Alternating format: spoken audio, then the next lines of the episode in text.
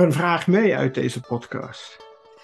Ehm, nou, ik denk, hè, van je, je gaf ook aan, hè, wat, wat, wat gun je je doelgroep? Ehm, En ik denk, ik gun ze heel veel. Eh, En vooral wat ik al zei, die balans. Maar wel, hoe kan ik ze nog meer helpen daarin? eh, om dat voor elkaar te krijgen. Dus ik denk dat dat nu wel bij mij is van, hey, hoe kan ik wat ik mijn doelgroep gun ook in de praktijk gaan brengen, zeg maar. Hoe kan ik hun daar ook echt mee helpen, als ik het ze zo gun? Ja, mooie vraag.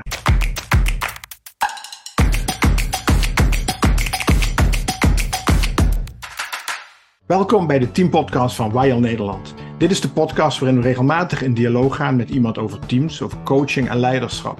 Wij van Team Wild Nederland geven onze Action Learning visie op deze vraagstukken. Dat doen we als team soms met een blog en soms met een podcast waarin we hierover interessante mensen uitnodigen.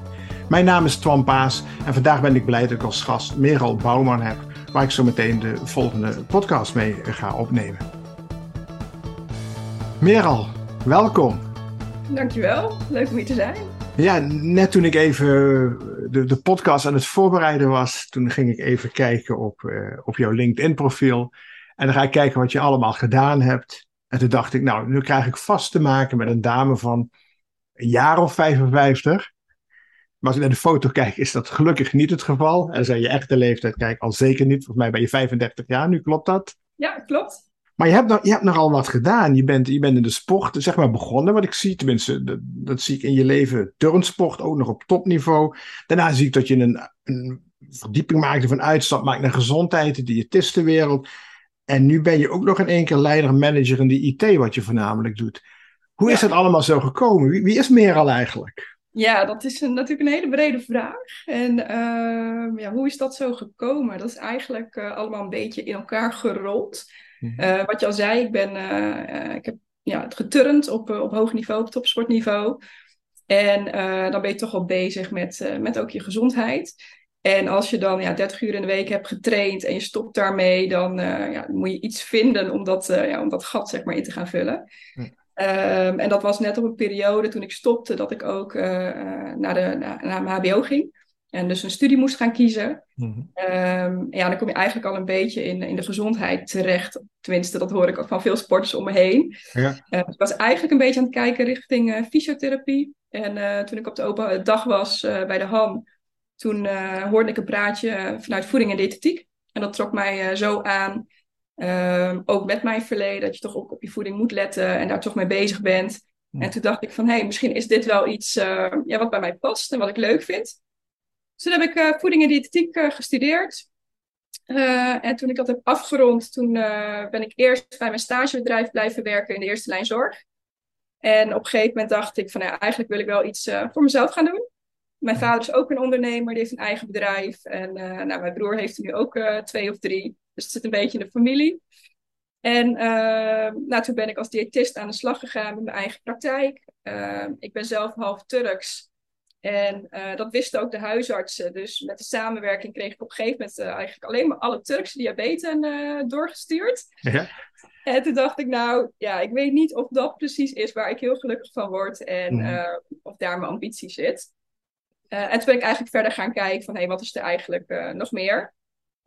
Enerzijds omdat ja, het niet helemaal paste bij wat ik zocht. Anderzijds was ik ook op een fase in mijn leven dat ik samen met mijn vriend toen de tijd eh, nou, ja, samen wilde wonen, huis wilde gaan kopen en daar iets meer in wilde. Dus vastigheid was, eh, was wat handiger dan eh ZZP-functie. Ja. En toen ben ik in de voedingsmiddelenindustrie terechtgekomen als consultant.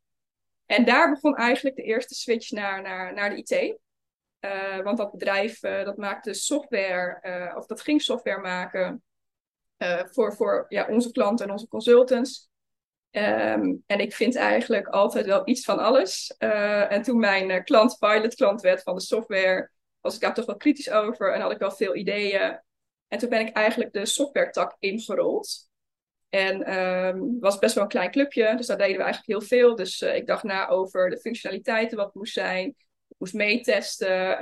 ik ging met sales mee om te verkopen. En als de klant dan had afgenomen, dan hielp ik met het implementeren. Ehm, dus toen leerde ik eigenlijk de software een beetje kennen. Mhm.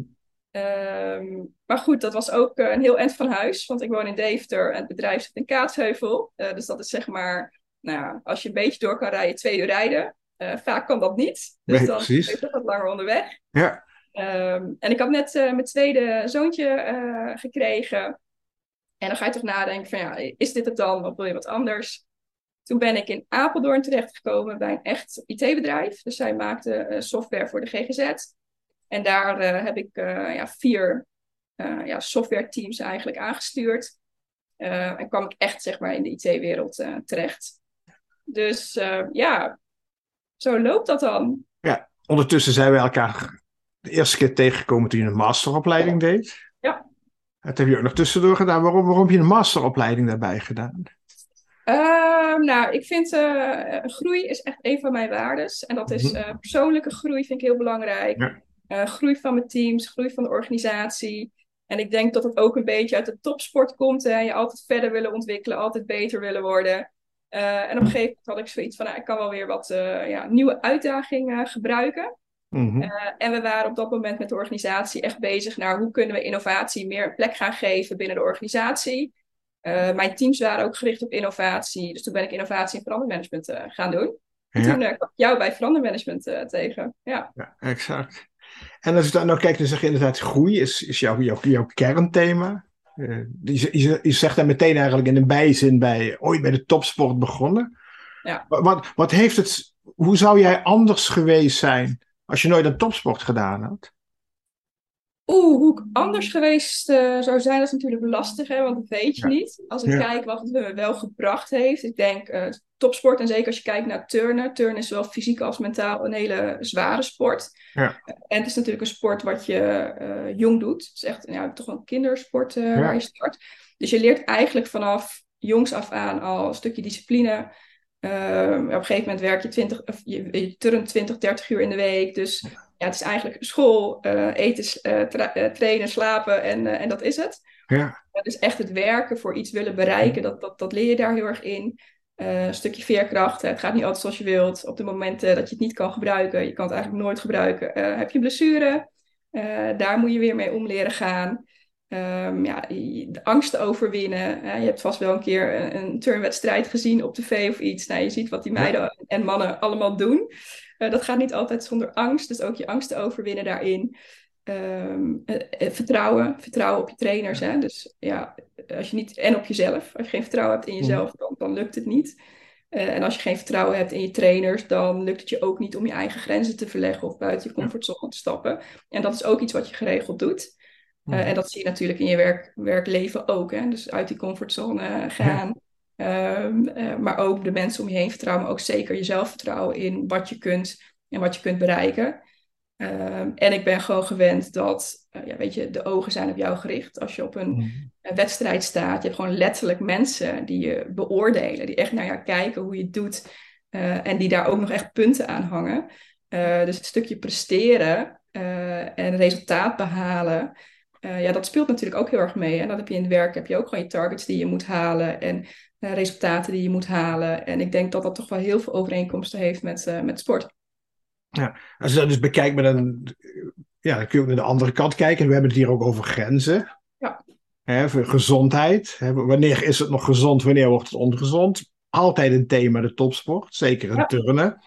Misschien zelfs nog wel wanneer. Hè, zeker als je zegt het is een kindersport. Wanneer is het veilig, wanneer wordt het onveilig? En wanneer, Ja. wanneer gaan we een kind motiveren of dwingen om, om, om bepaalde dingen te doen? Wel heel boeiend. Je hebt zelfs twee jonge kinderen, twee zonen. Als die nou straks topturnen willen gaan doen, ga je dat aanmoedigen? Ja, dat is echt een gewetensvraag. Ja, Weet je niet eh, verwacht, die vraag, hè? Ja, ja, zeker. En dat is ook niet de eerste keer dat ik hem krijg. Ik, Ah, ik heb toch hem wel, ja. vaker, eh, vaker gekregen. Ja, enerzijds, even terug, er is natuurlijk veel ophef geweest eh, over de turnwereld en het eh, grensoverschrijdende gedrag eh, daarin. Ja. Ik moet zeggen, gelukkig heb ik het zelf nooit op die manier ervaren. Mhm. Ja, het was streng. ehm, en ja, er werd ook wel eens geschreeuwd. Maar hoe het toen op mij overgekomen, in ieder geval in mijn kindsbeleving, was het, ja, het hoorde erbij. En ik ging eigenlijk nog steeds bijna elke training met heel veel plezier naar, naar de training toe. Ja. Ehm, anderzijds, ja, weet je, je bent kind, je, je traint met zware gewichten. eh, ja, weet je, als je moe bent of ja, je moet wel gewoon door. Mhm. Ehm, en als ik dan met mijn moederblik, zeg maar, daarnaar kijk en, en mijn zoontjes die zouden dat willen doen, uh, op de manier zoals ik het toen heb gedaan, dan denk ik, oeh, ja, dat, dat, dat weet ik niet. Het is best wel intens, het is best zwaar. Je wordt ook echt wel inderdaad soms uh, gepusht. Ja. Um, dus ik vind die heel lastig, lastig te beantwoorden. Ja. Ja, nou ja, goed. Misschien dient het zich aan, misschien niet. En uh, dat moment, misschien maar eens daar kijken. Als ja, je, als ik denk, dat... het, is, het is ongeveer, nou weet je, het is wel twintig jaar geleden dat ik uh, in die wereld zat. En er is gewoon heel veel veranderd. Hè. Er, er, wordt veel meer opgelet. Er zijn heel veel maatregelen genomen. ook heel veel sportpsychologen die aanhaken, diëtisten die aanhaken. Dus er is ook wel heel veel veranderd. Ja. Kijk, het blijft natuurlijk altijd, ik vind het altijd wel interessant. Het blijft natuurlijk een issue als we het over grensoverschrijdend gedrag hebben. Ik zeg even tussen aanhalingstekens.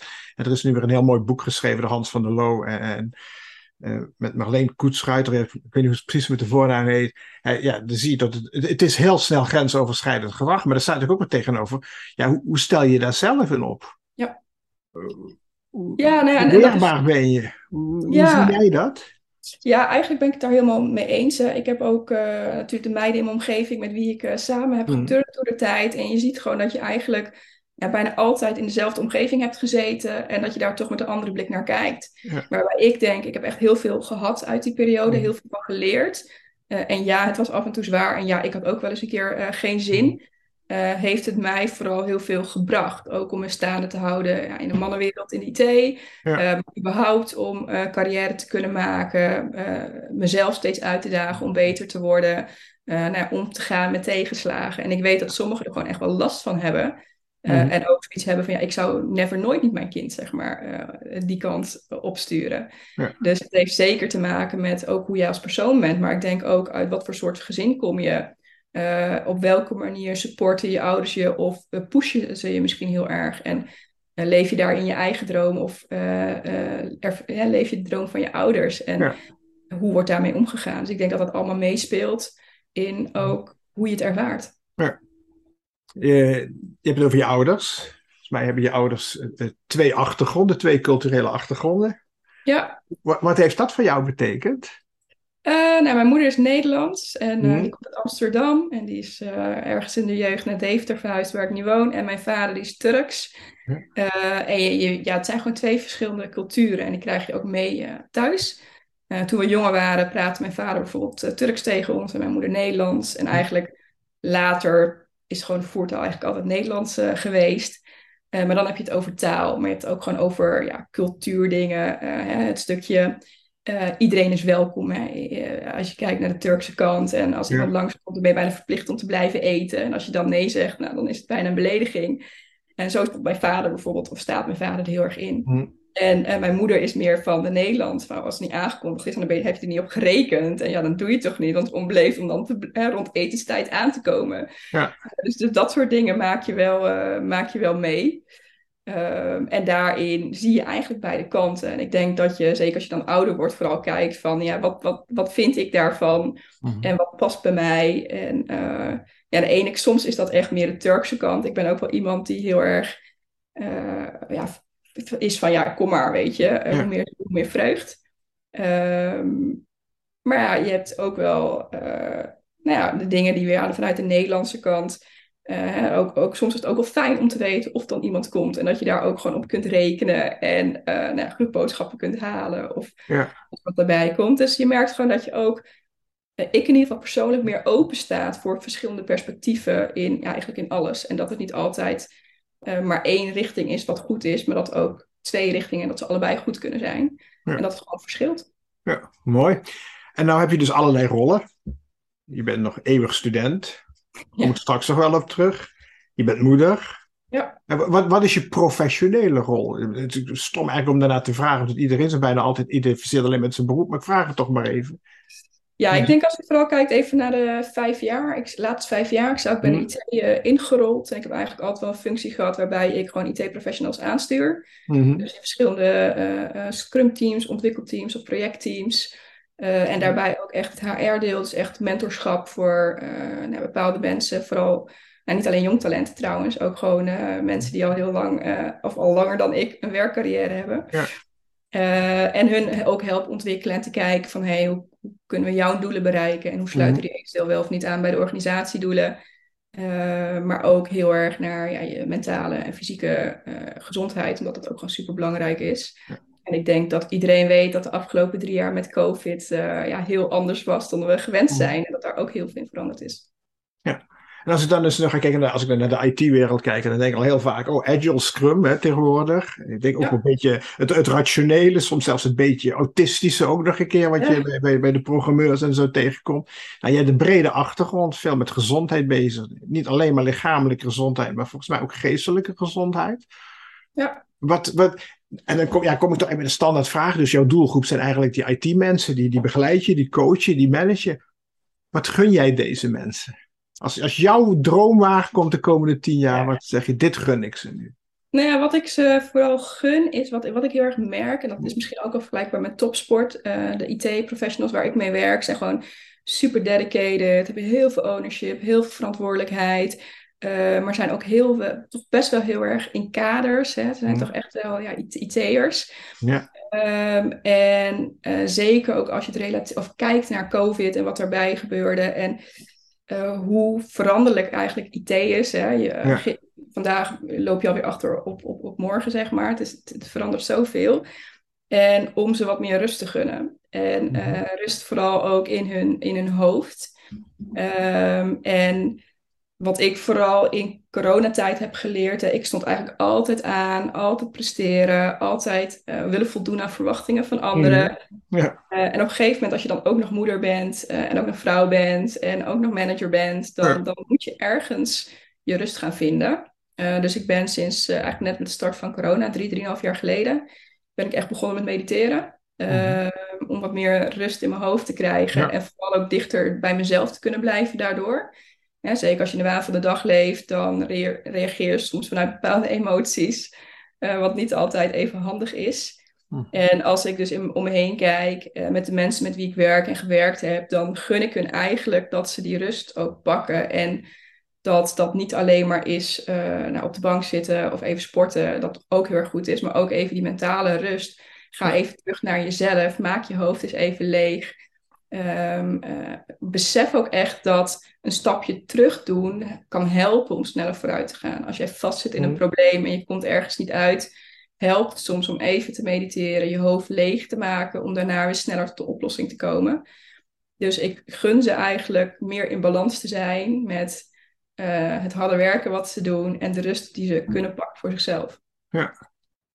Was het niet moeilijk voor jou om om of nee, hoe, dan ga ik een hele gesloten vraag stellen. Dat mag natuurlijk niet. Hè? Dat, uh, hoe was het voor jou om, om, om, te gaan mediteren, om je rust te nemen? Als gewoon even kijken wat je allemaal, uh, hoe actief je was. Nou, het is misschien het makkelijkste te omschrijven ook als je mijn vriendinnen zou vragen, die lachten me ongeveer uit. En niet dat ze iets tegen mediteren hebben, maar meer omdat het was van, nou, jij mediteren mhm. en jij yoga. Nou, dat past gewoon niet in het eerste beeld wat ze van me hadden. Ja. Ehm, en ik denk dat ik op een gegeven moment onbewust gewoon voelde dat er iets nodig was, uh, omdat ik het anders gewoon niet vol zou houden.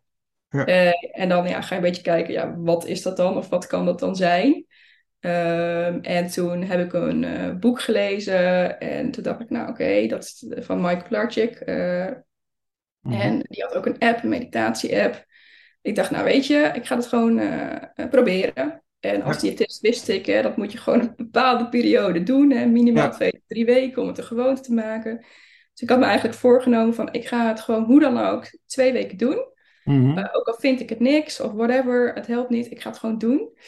En dat ben ik toen gaan doen. En in het begin, uh, ja, je, weet je, je gedachten dwalen gewoon mhm. constant af. Oh ja, heb ik dit wel in huis? En oh, de kinderen dat. En oh, mijn werk dat. En toen dacht ik, ah, weet je, dit is helemaal niks voor mij en dit, kan ik niet. En uiteindelijk dacht ik ook van, maar wacht even, het is juist het bewust worden van dat je die gedachten hebt. En dat loslaten. En, ehm, ja, en, en dat gewoon proberen. Dus gewoon door te blijven doen. Uh, ja, en dan hè, de, de, de criticus in jezelf. Ach, weet je, hier ben je weer aan het afdwalen. Dus dat, dat komt elke keer op. Dus je hebt elke keer die strijd met jezelf. Van, hey, doe je het dan goed? Hè? Want alles moet goed. Ja, nu denk je dan, ja, wat is dan goed? Maar goed. Um, dus dus het, was, het was niet makkelijk, maar omdat ik me gewoon echt een doel had gesteld van ik ga het twee weken doen. En ik merkte gewoon echt verschil uh, aan het eind van die twee weken. Mhm. Ehm, en ja, weet je, dan heb je het toch weer over resultaat. En als dan iets werkt, dan ga je het toch maar wel doen en blijven volhouden. Ja. Ehm, en, en dat merk ik nu ook. Ik merk gewoon nu dat ik soms denk, oh weet je, ik zit zo in mijn hoofd. Of ik merk dat ik in een bepaalde emotie zit. Of uh, heel kribbig kan reageren. Of dat ik merk dat ik heel snel in, ja, geïrriteerd raak. En dan denk ik even terug en denk oh ja, wacht eens even. Ik heb al een tijdje eigenlijk niet meer gemediteerd. Ja. En uh, nou, dan, dan pak ik het weer op. Dus je doet het niet uh, elke dag om zes uur of met een bepaalde regelmaat? Uh... Nou, eigenlijk uh, probeer ik het elke dag te doen, in ieder geval voor het slapen gaan. het helpt mij echt gewoon om mijn hoofd leeg te maken. En ja. ja of het een placebo-effect is of niet. Ik merk gewoon dat ik beter slaap en langer slaap. Maar ja, zeker hè, in, in, soms het heel druk is, privé, werk of, of samen, ja, dan mhm. schiet het er eigenlijk soms bij in. Ja. Um, ja, dan, dan merk je dat gewoon als je twee of drie dagen niet hebt gedaan. Dan merk ik het in ieder geval aan ja, hoe, hoe ik me voel. En hoe ik reageer. Ja. Nou, als, je, als je daar nu in kijkt, en je bent ook een paar keer van baan gewisseld. Er komt eigenlijk nu, nu de podcast uitzendt, alweer een, weer een baanwissel aan. Weer een mooie stap. We, hebben, we, we leven in een maatschappij waar het woord werkdruk, ziekteverzuim, stress. gewoon continu uh, genoemd wordt, bovenaan staat. Uh, hoe, hoe kijk jij daar tegenaan? Um, ja, je, je, merkt het gewoon heel veel. En uh, ik denk dat uh, ook weer COVID daar een rol in heeft gespeeld. En dan met name op de mentale gezondheid. Hè. Dat, ja. We veranderen in één keer heel veel. En we hadden geen keuze. Hè. We moesten mm. mee in die verandering. Ook door de restricties die kwamen. Op een gegeven moment, ik had het toevallig met een, een, vriendin daar vorige week over. Ja, kan je nog voorstellen dat we gewoon een avondklok hadden? Dat je gewoon niet meer over straat mocht na negen uur. Toen dacht ik, oh ja, wat bizar. Dat, dat, dat was gewoon zo. Ja. Dus, en daarin zag je vooral hè, mensen die wat socialer zijn, die gewoon echt afgesloten werden voor een deel van de mhm. buitenwereld, dat die het gewoon heel, heel moeilijk uh, uh, kregen. En ik denk dat, dat je dat ook nu veel meer ziet. En dat het ook gewoon lastig is om een balans te vinden. Zeker als je ook thuis werkt. En mhm. zeker als je nu gewend bent bepaalde dingen te doen, ook met kinderen.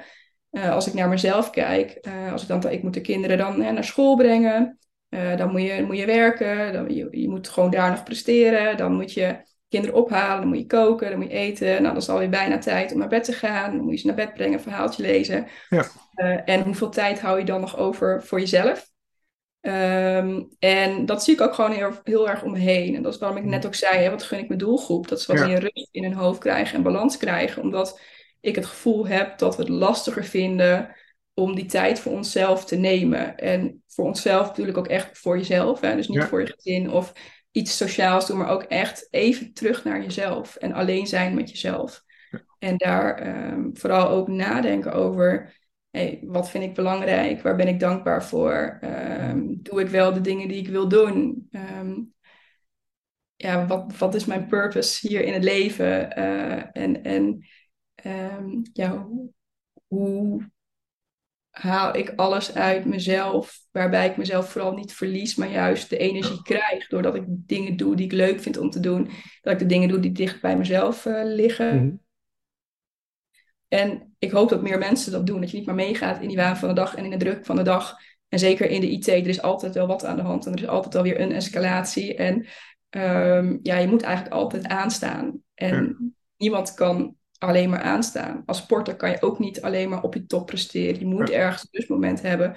Topsporters bouwen het ook op hè, naar een bepaalde belangrijke wedstrijd en nemen daarna hun rust om weer te kunnen presteren. En ik denk dat we dat in het werkleven soms vergeten. Dat we alleen maar willen presteren en dat we vergeten dat er ook een periode van rust moet zijn en een opbouw moet zijn. Hè, zonder uh, dalen heb je ook geen pieken. Ja, en en, eh, en, als ik dan de vraag heel gesloten stel, wat, wat, wat zouden we in Nederland meer moeten gaan doen? Uh, minder hard werken of, of juist ons beter uh, prepareren om hard te kunnen werken? Uh, ja, klinkt dan als een dooddoener, maar misschien slimmer werken. Ja, ik, mhm. ik, weet niet, moeten we acht uur per dag werken? Ja. Ehm, moet je bepaalde dingen altijd af hebben? Ehm, ja, ik denk dat we vooral moeten nadenken van wat moeten we eigenlijk allemaal? Mm en van wie moeten we dat dan? Ja. Van wie is misschien wel een mooie vraag. Ja. ja.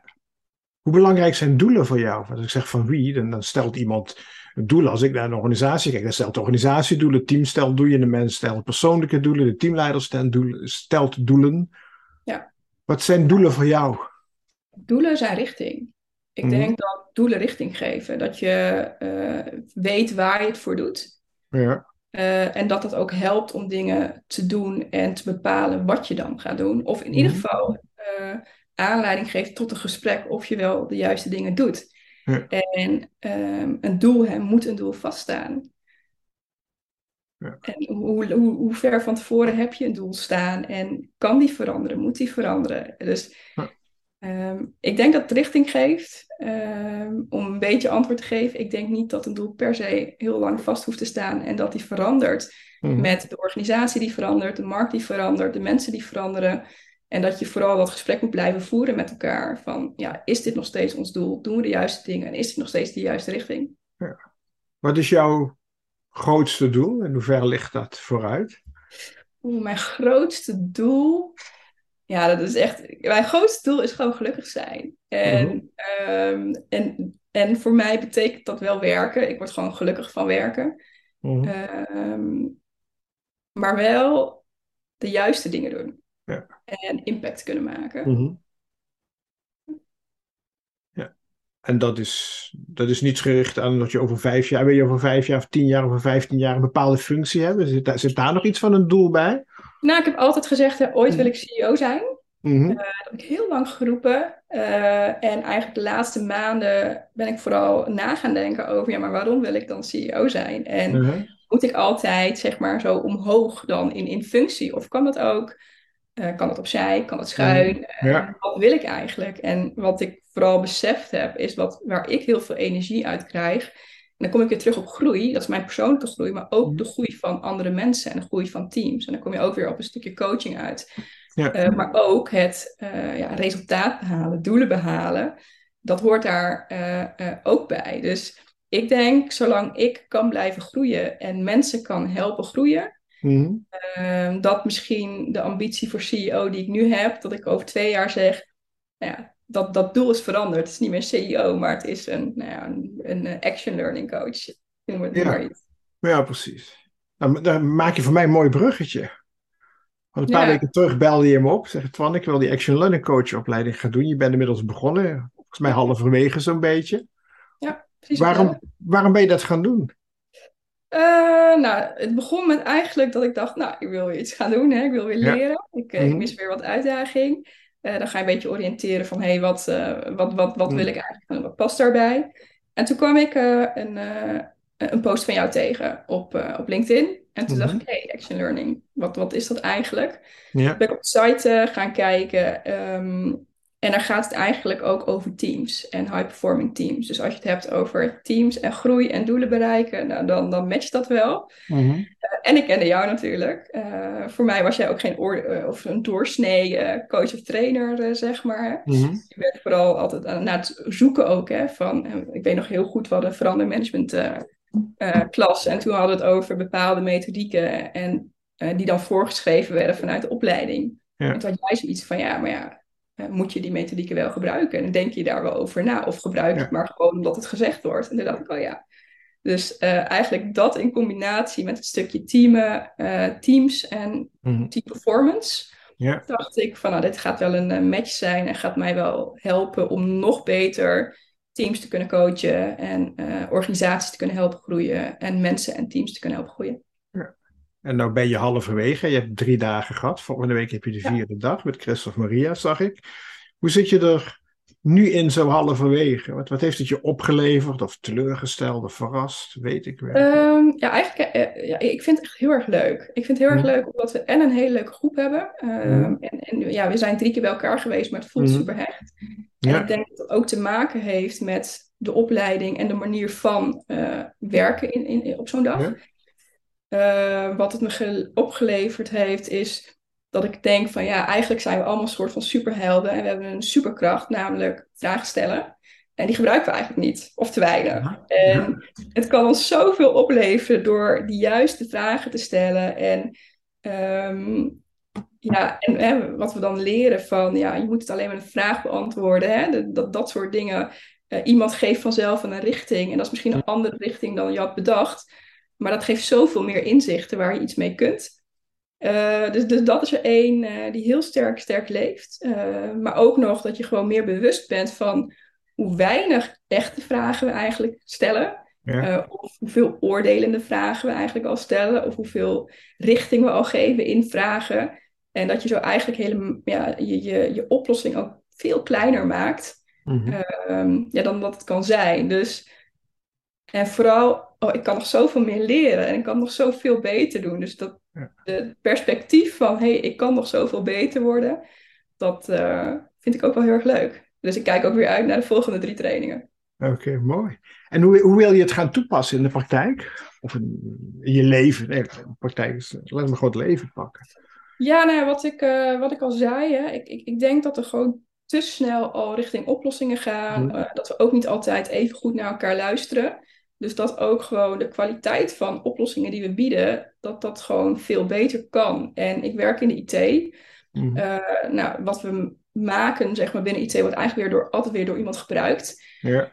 Um, en ik denk dat we ook daarin gewoon aan de voorkant veel meer zouden kunnen doen. Als we veel meer vragen zouden stellen, uh, zouden we waarschijnlijk met een veel betere oplossing kunnen komen. We, we worden vaak al een richting ingeduwd door een klant of de gebruiker van eigenlijk dit moet de oplossing zijn. En niet zozeer met dit is mijn probleem. Uh, en ik hoop dat ik met de kennis die ik nu heb en nog meer ga krijgen, dat we veel meer terug kunnen naar van hé, hey, laten we niet focussen op die oplossing, maar laten we mhm. focussen op het probleem en kijken wat daar de oplossingen voor kunnen zijn. Uh, en omdat mensen vaak vanuit een bepaalde uh, bril kijken hè, en maar heel beperkt zijn, maar ook omdat mensen niet altijd weten wat de technische mogelijkheden zijn. En als je die twee kan combineren, van wat heb jij nou nodig, waar ligt nou jouw echte probleem? En wij kunnen nadenken over de techniek die daarbij kan horen. Daar kom je volgens mij met veel mooiere oplossingen dan dat we nu soms komen. Ja. En soms kom ik in de IT en dan hoor ik altijd, ja, we hebben al Agile en Scrum en zo. Ja. Is dat te vergelijken met elkaar of, of kan het elkaar aanvullen? Nou, ik denk zeker dat het elkaar kan aanvullen. Uh, wat ik ook mhm. heb gemerkt is dat Agile en Scrum ook heel erg een buzzwoord uh, is. Dat er niet heel veel organisaties zijn die het echt goed ook uitvoeren. Mm -hmm. uh, en ook weer omdat er dan druk op staat en de waan van de dag en alles wat daarbij hoort. maar ik denk zeker als je het stukje action learning daarin zou meenemen en ook met klanten van oké, okay, maar welk probleem gaan we nou oplossen? Mm en hè, het iteratief werken daarin. Dus hey, wij bouwen dan iets en we komen terug bij jullie of dit het is. En daar gewoon feedback kunnen geven. Uh, de juiste vragen kunnen stellen. Op een goede manier met elkaar het gesprek aan kunnen gaan. Um, ja, dat, dat, dat kan helpen. Ja. Oké, mooi.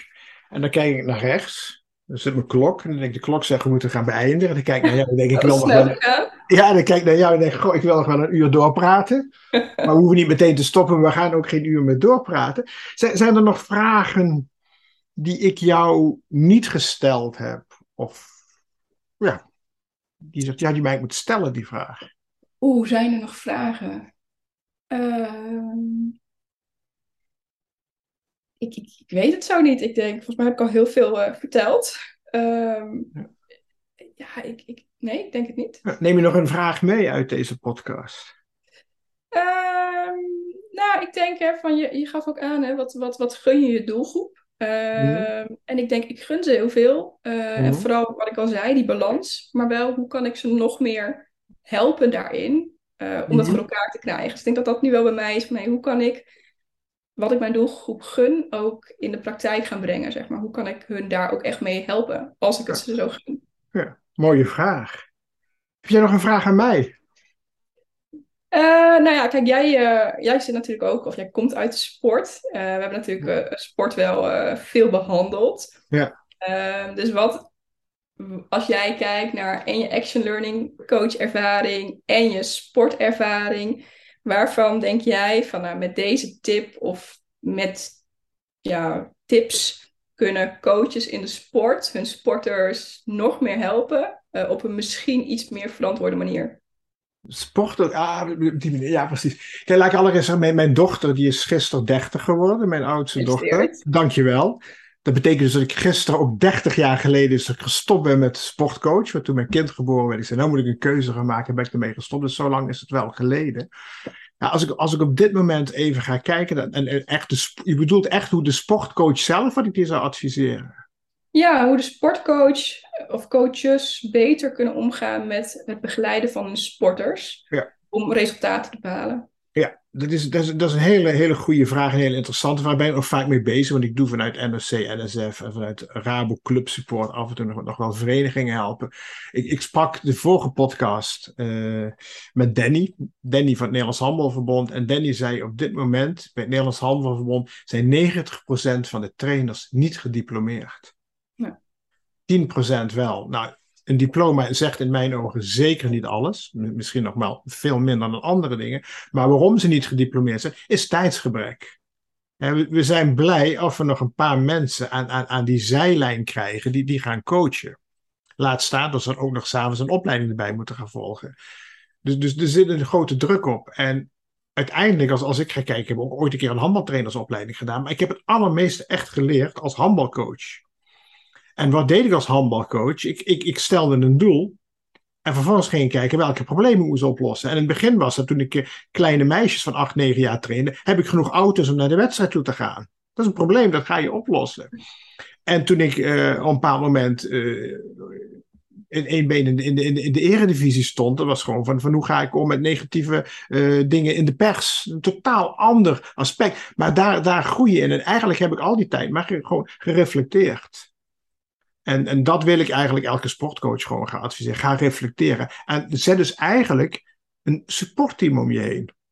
Zorg dat, dat je vijf, zes mensen om je heen hebt waar je gewoon op terug kan vallen. En de ene heeft wat verstand van het ander, de ander van dat. En dat, dat we zo verder kunnen gaan komen. Volgens mij halen we daar veel meer uit. Want eigenlijk, wat ik nog, nog, nog veel interessanter vind, ik zou heel veel business managers, om het zo maar te noemen, gunnen om misschien niet in de plaats van een MBA-opleiding of zo, maar minimaal daarnaast. Misschien soms wel een plaats van. Ga eens gewoon twee jaar een vereniging besturen. Ga eens twee jaar een team trainen. En ga eens gewoon kijken wat je dan allemaal leert. En, en wat ik de kracht vind van sport in vergelijking met het, het geaccrediteerde bedrijfsleven, is van je gaat iets doen. Je lost het op en je leert daarvan. En ga je vervolgens verder. En dan kom je heel dicht bij action learning. Ja. dus, dus, dus, dus een paar momenten van ook, ja. Uh, als je alleen al, als, als ik op dit moment ga kijken naar, naar de voetbalsport, waar ik, waar ik zoveel problemen hoor over, over agressieve ouders, agressieve eh, kinderen en zo. Ja, ik zeg als coach, ga eerst eens vragen aan een ouder, wat is jouw doel wat jouw kind hier gaat halen? Ja. En als dat is de, de top gaan behalen of, of niet de top gaan halen of een leuk mens gaan worden, dan kun je elke keer als, als zo iemand een bepaald gedrag vertoont, kun je de vraag stellen, dat gedrag wat jij nu vertoont, past dat bij je doel? Ja. Maar ik weet één ding zeker, als het negatief gedrag is, 9 van de 10 keer past dat daar niet bij.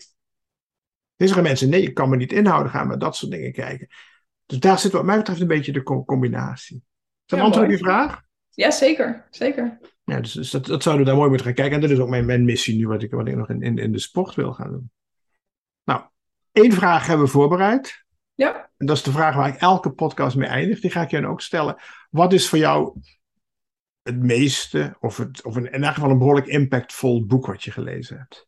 Ja, en ik zei al, ik ben echt een boekenlezer. Ik denk dat ik er wel 20 uh, of 30 per jaar uh, lees. Uh, ook managementboeken, leiderschapsboeken. Vooral wat ik heel erg leuk vind. Dus dat is een moeilijke om, om één te ja. kiezen. Maar dan ga ik even terug, denk ik, naar het eerste boek waarvan ik denk, ja, die heeft als eerste echt een grote impact gemaakt op mezelf en ook mijn manier van leiding geven. En dat is uh, de kracht van kwetsbaarheid van uh, Brené Brown. Aha. Uh, en dat is ook vooral, ehm, kijk, als, als topsporter ben je, word je hard. Mm-hmm. En je, we hadden het net ook over grensoverschrijdend gedrag daarin, hè, maar je gaat ook door als je geblesseerd bent. En ja, omdat je moet of omdat je vindt dat je niet kunt aanstellen. Um, mm-hmm. Dus ik was eigenlijk altijd heel erg zelfverzekerd naar de buitenkant toe. En als ik het niet wist, dan ja, wist niemand dat ik het niet wist. Weet je wel? Dan ging ik stiekem misschien in een hoekje zitten huilen voor mezelf. En dan daarna dan ging ik en masker op en gewoon gaan.